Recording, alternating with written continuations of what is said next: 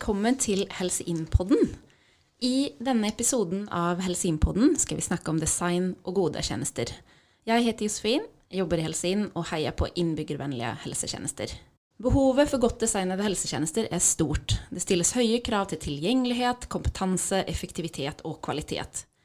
I tillegg skal helsetjenesteleverandører innenfor både primær- og spesialisthelsetjeneste møte innbyggernes behov for gode tjenester i en tid med varige demografiske endringer, globalt, nasjonalt og regionalt. Vi som innbyggere ønsker å få riktig hjelp til rett tid, og ikke minst gis muligheten til å være delaktige og oppleve de tjenestene vi mottar, som verdifulle. Og vi ser det litt slik at vi så noen frø for å tenke litt annerledes rundt utforming av helsetjenester. Ute blant kommuner og i spesialisthelsetjenesten er det variert kunnskap til brukersentrerte metoder. Men hva er egentlig godt designede tjenester? Hvem er det som bestemmer hvilken verdi en tjeneste har, og hva er det vi trenger å forstå for å kunne levere tjenester av høy verdi? I dag har vi to gjester med oss fra vår klyngepartner Inmeta. Og la oss begynne med en kort presentasjon av dere. Eh, Julie, vær så god, hvem er du, og hvilke er Inmeta? Du, mitt eh, navn er da Julie Lork Falk Krisafopoulos. Eh, og eh, jeg startet Inmeta for litt over et år siden. Det var jo rett før koronaen slo til. Så begynte jeg for å da bygge en avdeling og danne en arena for, for faget design i Hamar. Og det var jo kanskje ikke tiden for, for akkurat det, men det har gått veldig, veldig bra.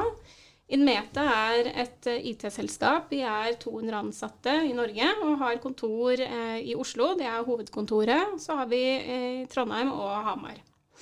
Vi sier jo da at det er Inmeta Innlandet fordi at vi har konsulenter som ikke bare jobber i Hamar. Vi er på Lillehammer, vi er Øyer, vi er Elverum, Brumunddal.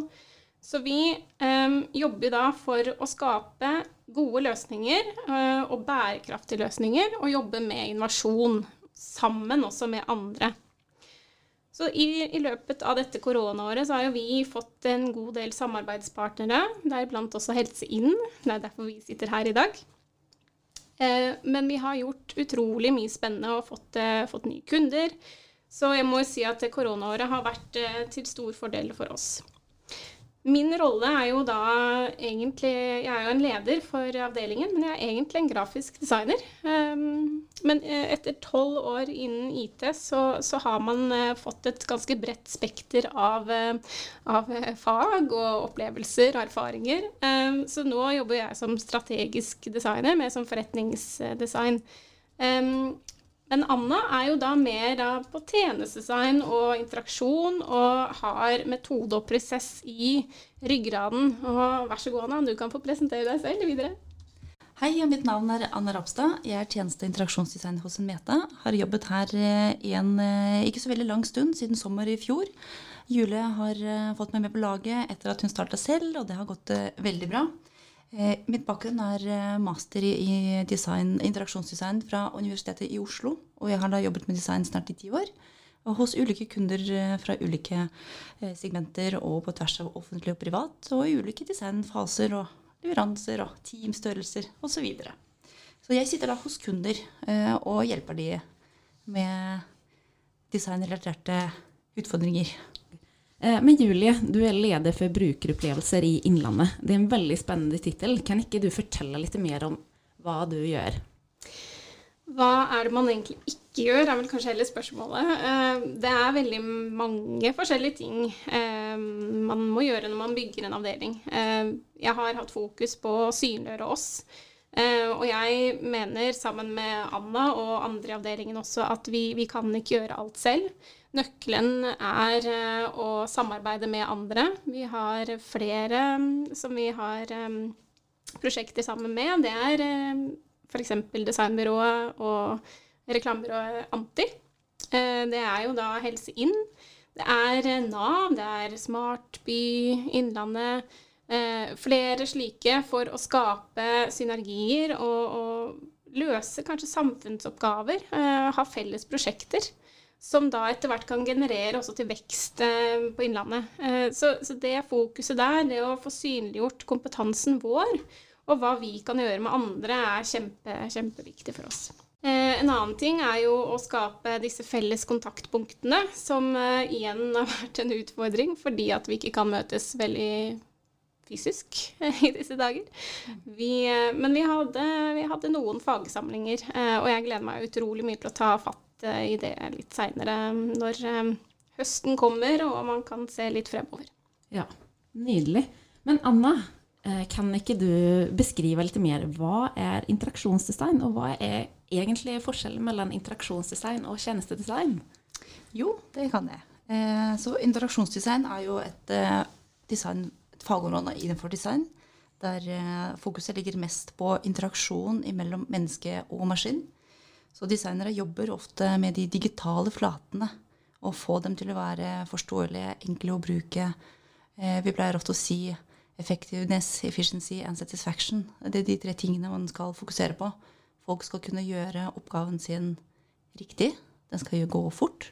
Og så skal, være, så skal brukeren være fornøyd med det han gjør. Så det er de tre um, si, måleparametere vi har da, når vi bruker brukervennlige tjenester eller brukervennlige produkter i, med interaksjonsdesign. Når det kommer til tjenestedesign, så ser du gjerne på hele tjenesten, som da består av både digitale flatene, men kan òg inneholde fysiske møtepunkter som resepsjon eh, på hotell. Du bestiller, en, bestiller, et rom via internettsida, og så kommer du på hotellet. Der er hyggelig dame i skranken som møter deg. Så får du et rom, som er også en, en, slags eh, møtepunkt med tjenesten. Og så må du sjekke ut. Så alle disse her punktene som små perler på snor. Eh, Tjenestedesign jobber med å sette den der eh, perlesnoret riktig og godt. Mm.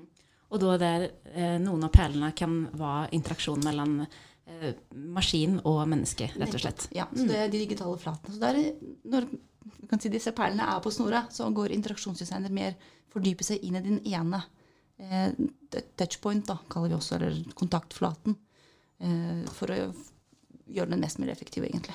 Så tjenestedesign er da et fagområde innenfor design igjen, som fokuserer på utforming av helhetlige tjenester, med fokus på sluttbrukeren. Dette er en eh, tverrfunksjonell praksis da, som kombinerer ulike ferdigheter innenfor design, management og forretningsprosessmodellering. Så man skal gjøre ganske mye forskjellig, ikke bare tegne fine skjermbilder og sånt. Så tjenester har jo eksistert ja, lenge. Ikke sant? Bare at den ikke kanskje vært eh, så eh, bevisst i forhold til de. Men tjenestedesign tillater deg og åpner opp for den her bevisstheten. Eh, der du kan inkludere nye forretningsmodeller. Du kan inkludere det empatiske, og, og tjenesten skal ta hensyn til menneskene som er involvert. Og samtidig så skal du skape sosioøkonomisk verdi for samfunnet og miljøet. Mm. Og det betyr jo også kanskje at de som eh, bruker tjenestene Si f.eks. at du skal bestille en togreise, og så skal du komme deg til A til B. At når du har kommet deg fra A til B, så er du fornøyd med den tjenesten som du har opplevd, om det handler om å bestille en togbillett, at toget kommer i tid, at du får riktig service på toget osv. Det stemmer. Vi kan jo begynne å si litt om brukersentrering. Um, før så, eller Tradisjonelt sett så har jo egentlig teknologi vært det man uh, mener er løsningen med en gang. Men man må jo egentlig snu på det. At um, man, man, kan ikke bare rulle ut en teknologi og så lage en tjeneste rundt det. Det må være omvendt. Du må finne ut eh, for hvem, og hva er det vi skal lage. Og så implementere teknologi som passer deretter. Jeg kan fortelle om en, eh, en historie om en MR-maskin som ble utviklet og produsert og designet. Eh, den MR-maskinen den ble jo laget etter måte, gamle designprinsipper. Eh, og, og, den var flott og fin, den. Eh, og målgruppen var jo kanskje alle pasienter. Men med en gang designeren så at den MR-maskinen ble plassert inn i rommet på sykehuset, en stor, grå maskin, den hadde en fin, rund form, men for barna så var jo den fryktelig skremmende.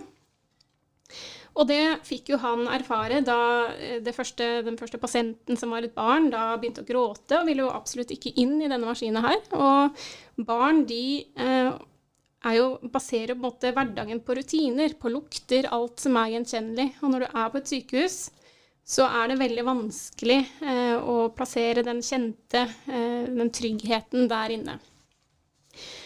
Og en, for at man skal få tatt bilder av, av, barna, så er det jo ofte slik at de må være bedøvet for at de skal ligge helt stille. Og det er jo også veldig uheldig å drive og bedøve barn unødvendig. Så designeren fant ut at her må vi eh, gjøre en ny prosess. Og det er vel GE Healthcare som da ledet an denne prosessen. Og eh, det enden på vise er jo det at de, de skapte jo et opplevelsesrom rundt denne maskinen. De designet ikke maskinen på nytt, for den er jo god i seg selv.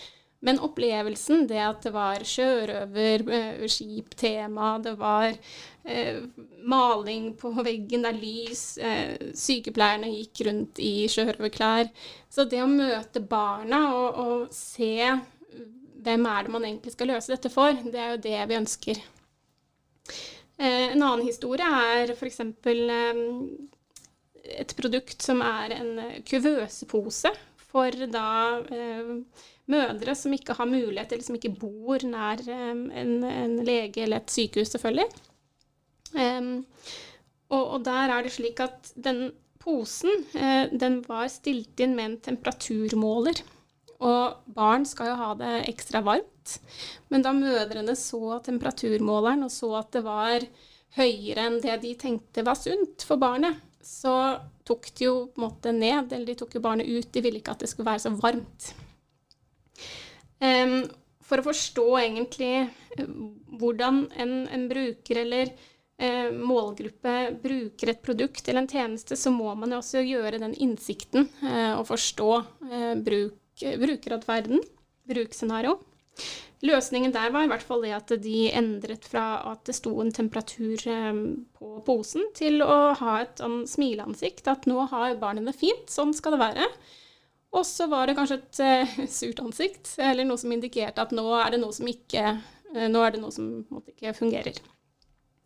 Og det den, ga jo en trygghet til, til foreldrene.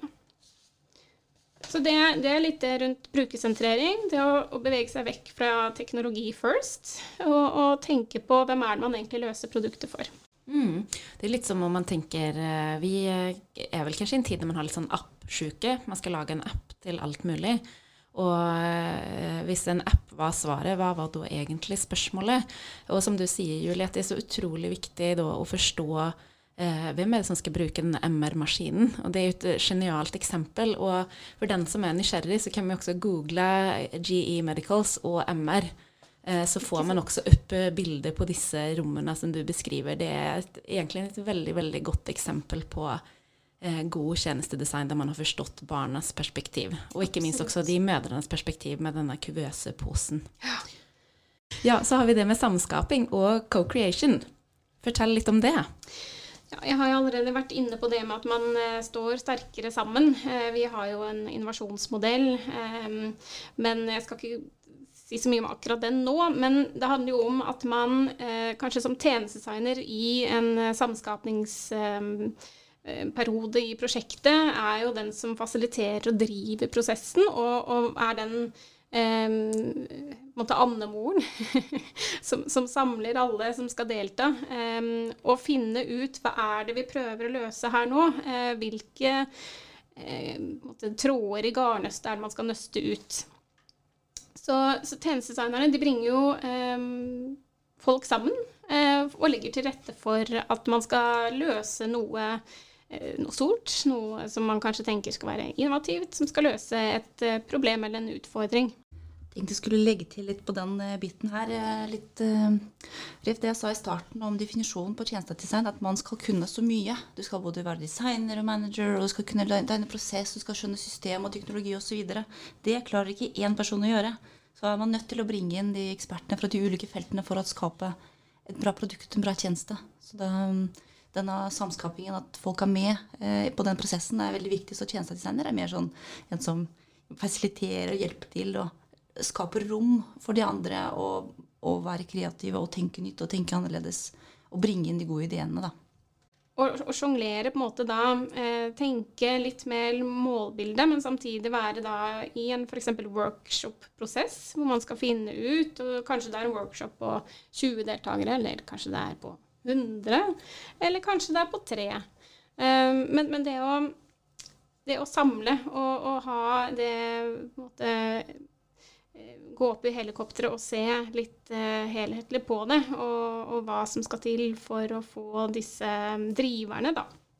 Det, det er jobben i denne, denne fasen. Mm. Er det den fasen sekvensering som du tenker på da? Tjenester det er eh, dynamiske prosesser som foregår over en viss periode. Så menneskene opplever dem gjerne i en tidslinje. Og denne tidslinjen er eh, kritisk for oss som designere og veldig viktig å ta hensyn til når vi skal designe tjenester. Eh, siden dette kan jo påvirke opplevelsen til de som er involverte, både sluttbrukere, men òg si, inne i organisasjonen. De saksbehandlerne, de resepsjonsfolk osv. Så, så en, en, vi kan begynne å kjede oss da, hvis den tidslinjen går for sakte. Ikke sant? Da Vente på legevakten f.eks. er ikke alltid gøy. Eller kan vi bli stressa hvis ting går litt for fort. Hvis du, må, hvis du, sitter i en situasjon der du må ta en avgjørelse veldig raskt, og en viktig avgjørelse, så blir man stressa hvis man ikke har god tid til å tenke på det. Så her er den der den tidslinjen, den sekvensen, og, å tenke godt gjennom den, er jo da kjernen i tjenestedesign. Eh, for å få til en god tjeneste. Eh, så når vi utarbeider en tjeneste, så trenger vi ofte eh, å, å på en måte kartlegge da, og tegne ut hvordan sluttbruker vil oppleve det som kommer til å skje. Og det ser ofte ut som en tegneserie. Man ser litt at kanskje vi leker litt, men det er en måte å fortelle en historie Det er jo som å skape en film. Vi må spille den tjenesten gjennom en sekvens med bilder. Eh, som kan da, Når du har den sekvensen på plass, så kan du da begynne å grave det nedover i organisasjon og jo prosesser og hvilke systemer som skal støtte det ene og det andre. Eh, og da de prosessene i organisasjonen de skal da levere den gode opplevelsen som er tegnet ut først. Eh, så her, Da bruker vi ofte et, et verktøy som heter Service Blueprint, eller tjeneste blueprint. Jeg har ikke noe godt norsk ord for det, dessverre. Tjenestereise. ja. Men det er et slags kart eh, som viser hvordan, for det første hvordan opplevelsen for sluttbrukeren skal være, men også hvordan de ulike prosessene og de involverte rollene fra organisasjonen og de ulike systemene hvordan alt sammen henger sammen. Eh, det, det, er en metodikk som kommer egentlig fra byggebransjen.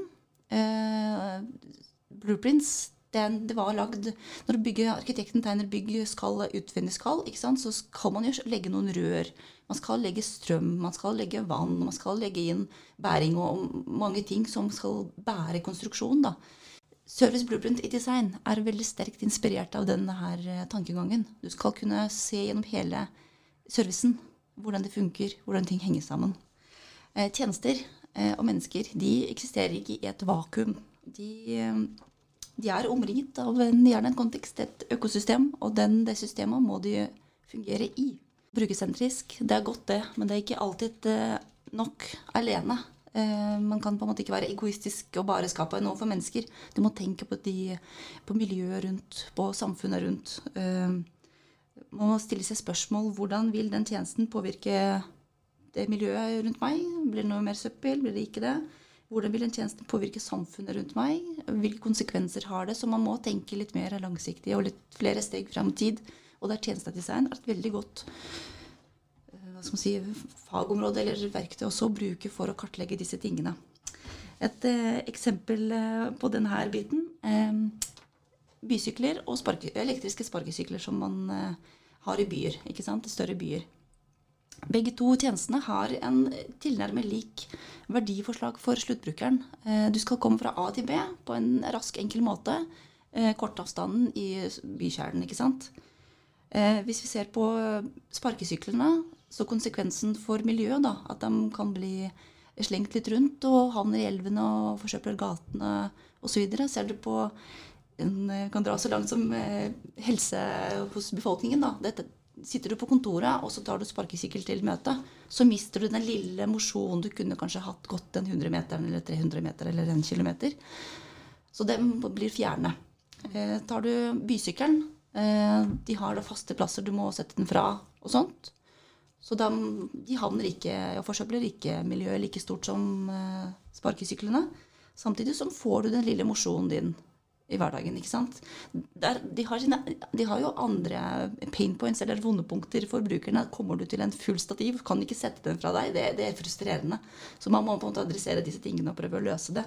Men det store og det hele er et Jeg synes det er et veldig godt eksempel på hvordan en ganske lik tjeneste, og hvor stor forskjell er det for, det, både samfunnet og for miljøet. da.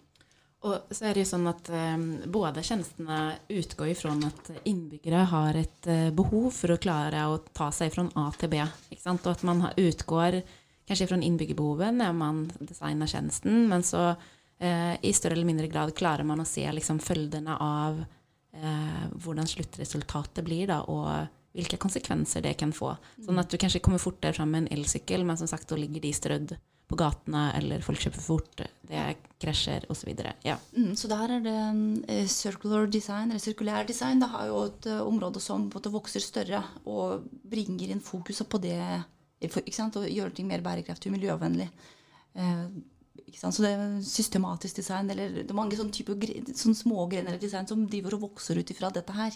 Mm. Man, vi ser jo at du kan ikke bare bruke vennlig eh, i dag. Dette har et godt eksempel på det, men det, sikkert, det finnes sikkert flere også. Mm. Så man er nødt til å da å skifte fokus i, i denne designfasen. At man skifter fokus og ser på Prøver ulike perspektiver, da.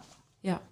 Men om vi tar uh, og tenker tjenestedesign innenfor helse og omsorg, når er det viktig å bruke disse tjenestedesigns-prinsippene og en sånn type tilnærming, tenker du Anna, med din eh, brede bakgrunn innenfor forskjellige designprosjekter. Eh, hvordan kan vi ta perspektivet med oss inn i helse?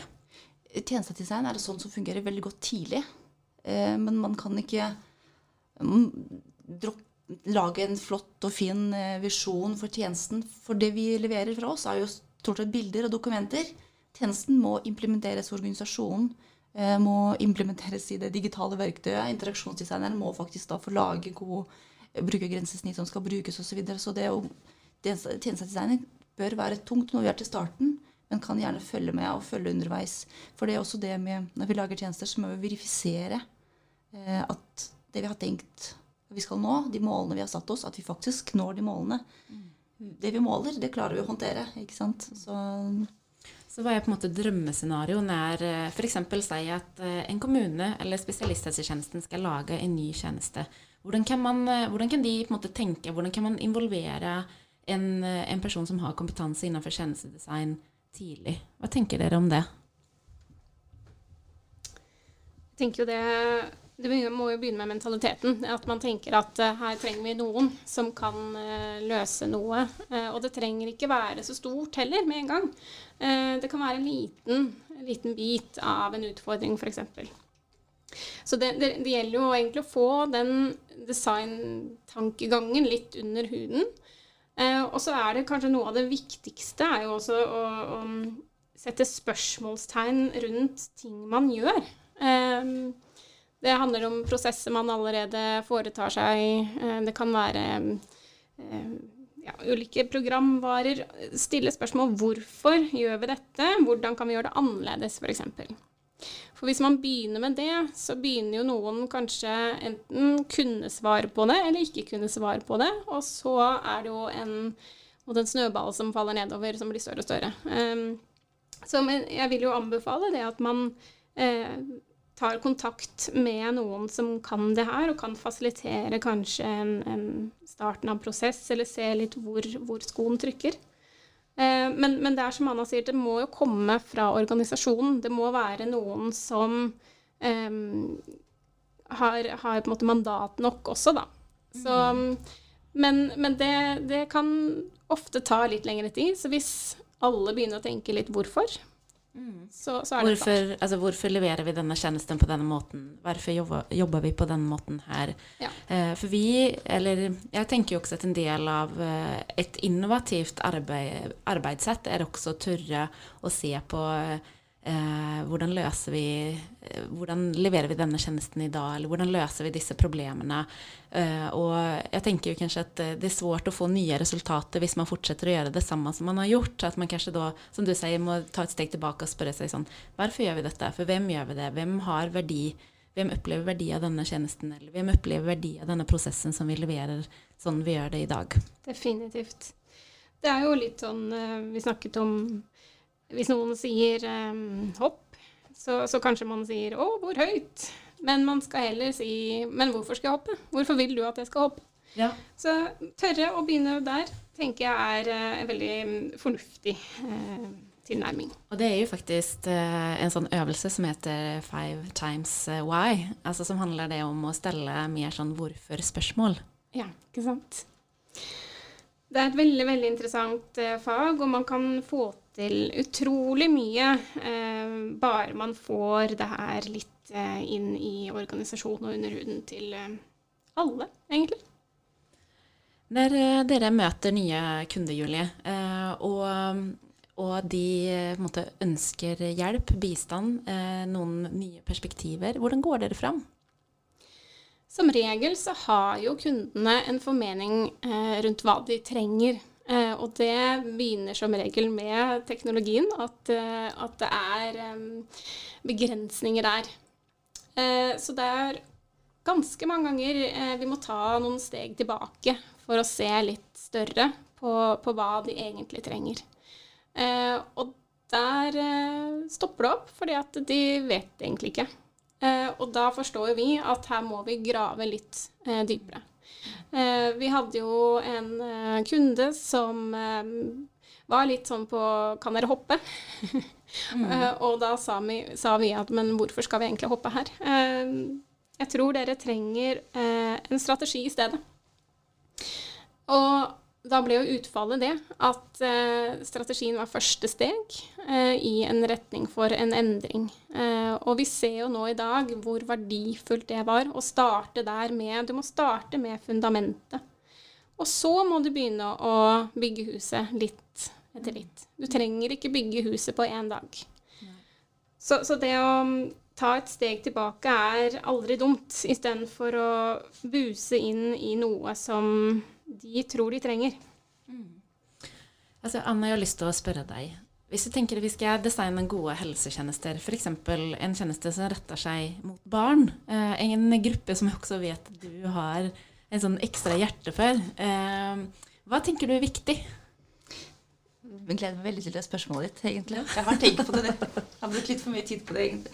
Men eh, det som er med helsetjenester, der sluttbrukeren er jo ofte en pasient eller barn, eh, så kan de ikke så kan de ofte ikke svare for seg selv. Så det er mye etiske eh, utfordringer som designere og de som lager tjenester, har å stå å takle. da.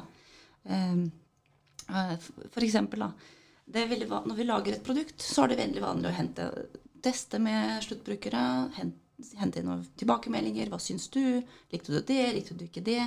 Så kan man gjerne kjøre en mer sånn eh, kvantitativ eh, undersøkelse med smilefjes. Likte godt, likte godt.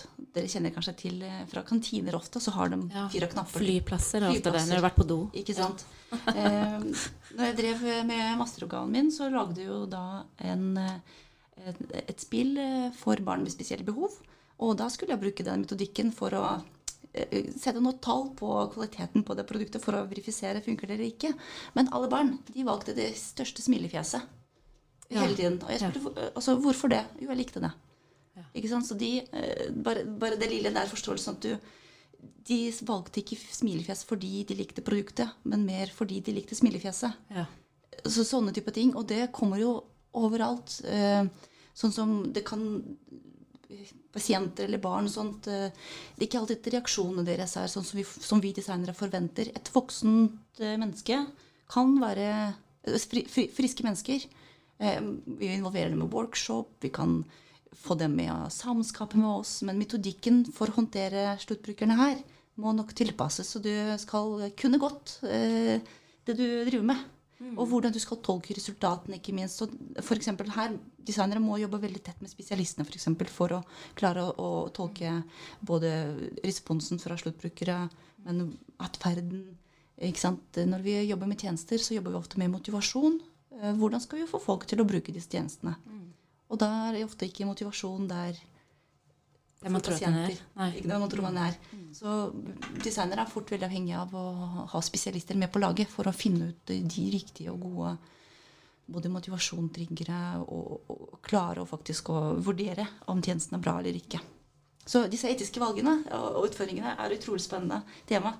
Eh, men det er noe man må håndtere.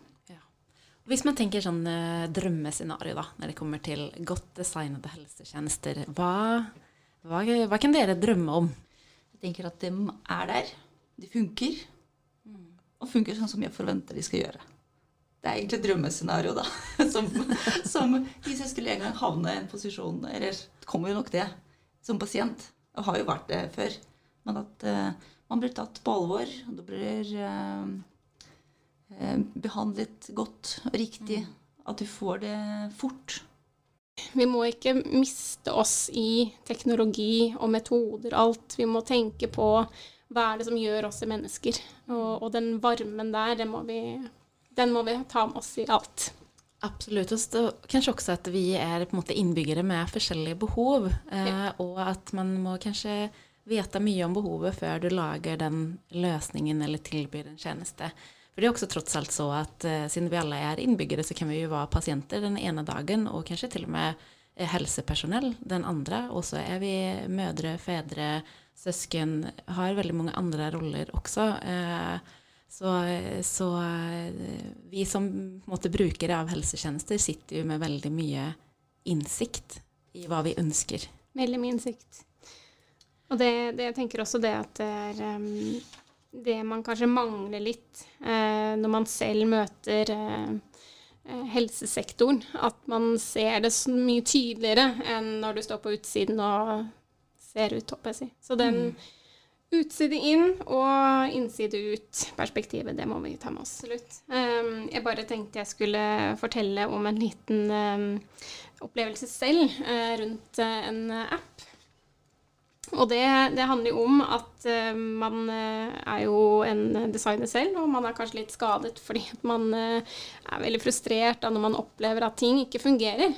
Har, De har en app, men den fungerer jo ikke. Og, og, jeg ser at veldig mange de kjøper tjenester som er litt sånn ferdigprodukt, som bare rulles ut. Og det fungerer veldig dårlig veldig ofte. Um, men, men, mitt legekontor har da en, en, app som ikke fungerer, og det er kjempefrustrerende, for det ender jo med at jeg må sitte i den telefon telefonkøen for å nå frem. Eh, og i, eh, på telefonen så sier jo da personen at jeg må på nett og på, i appen. Så det er en sånn ja. runddans. Ja.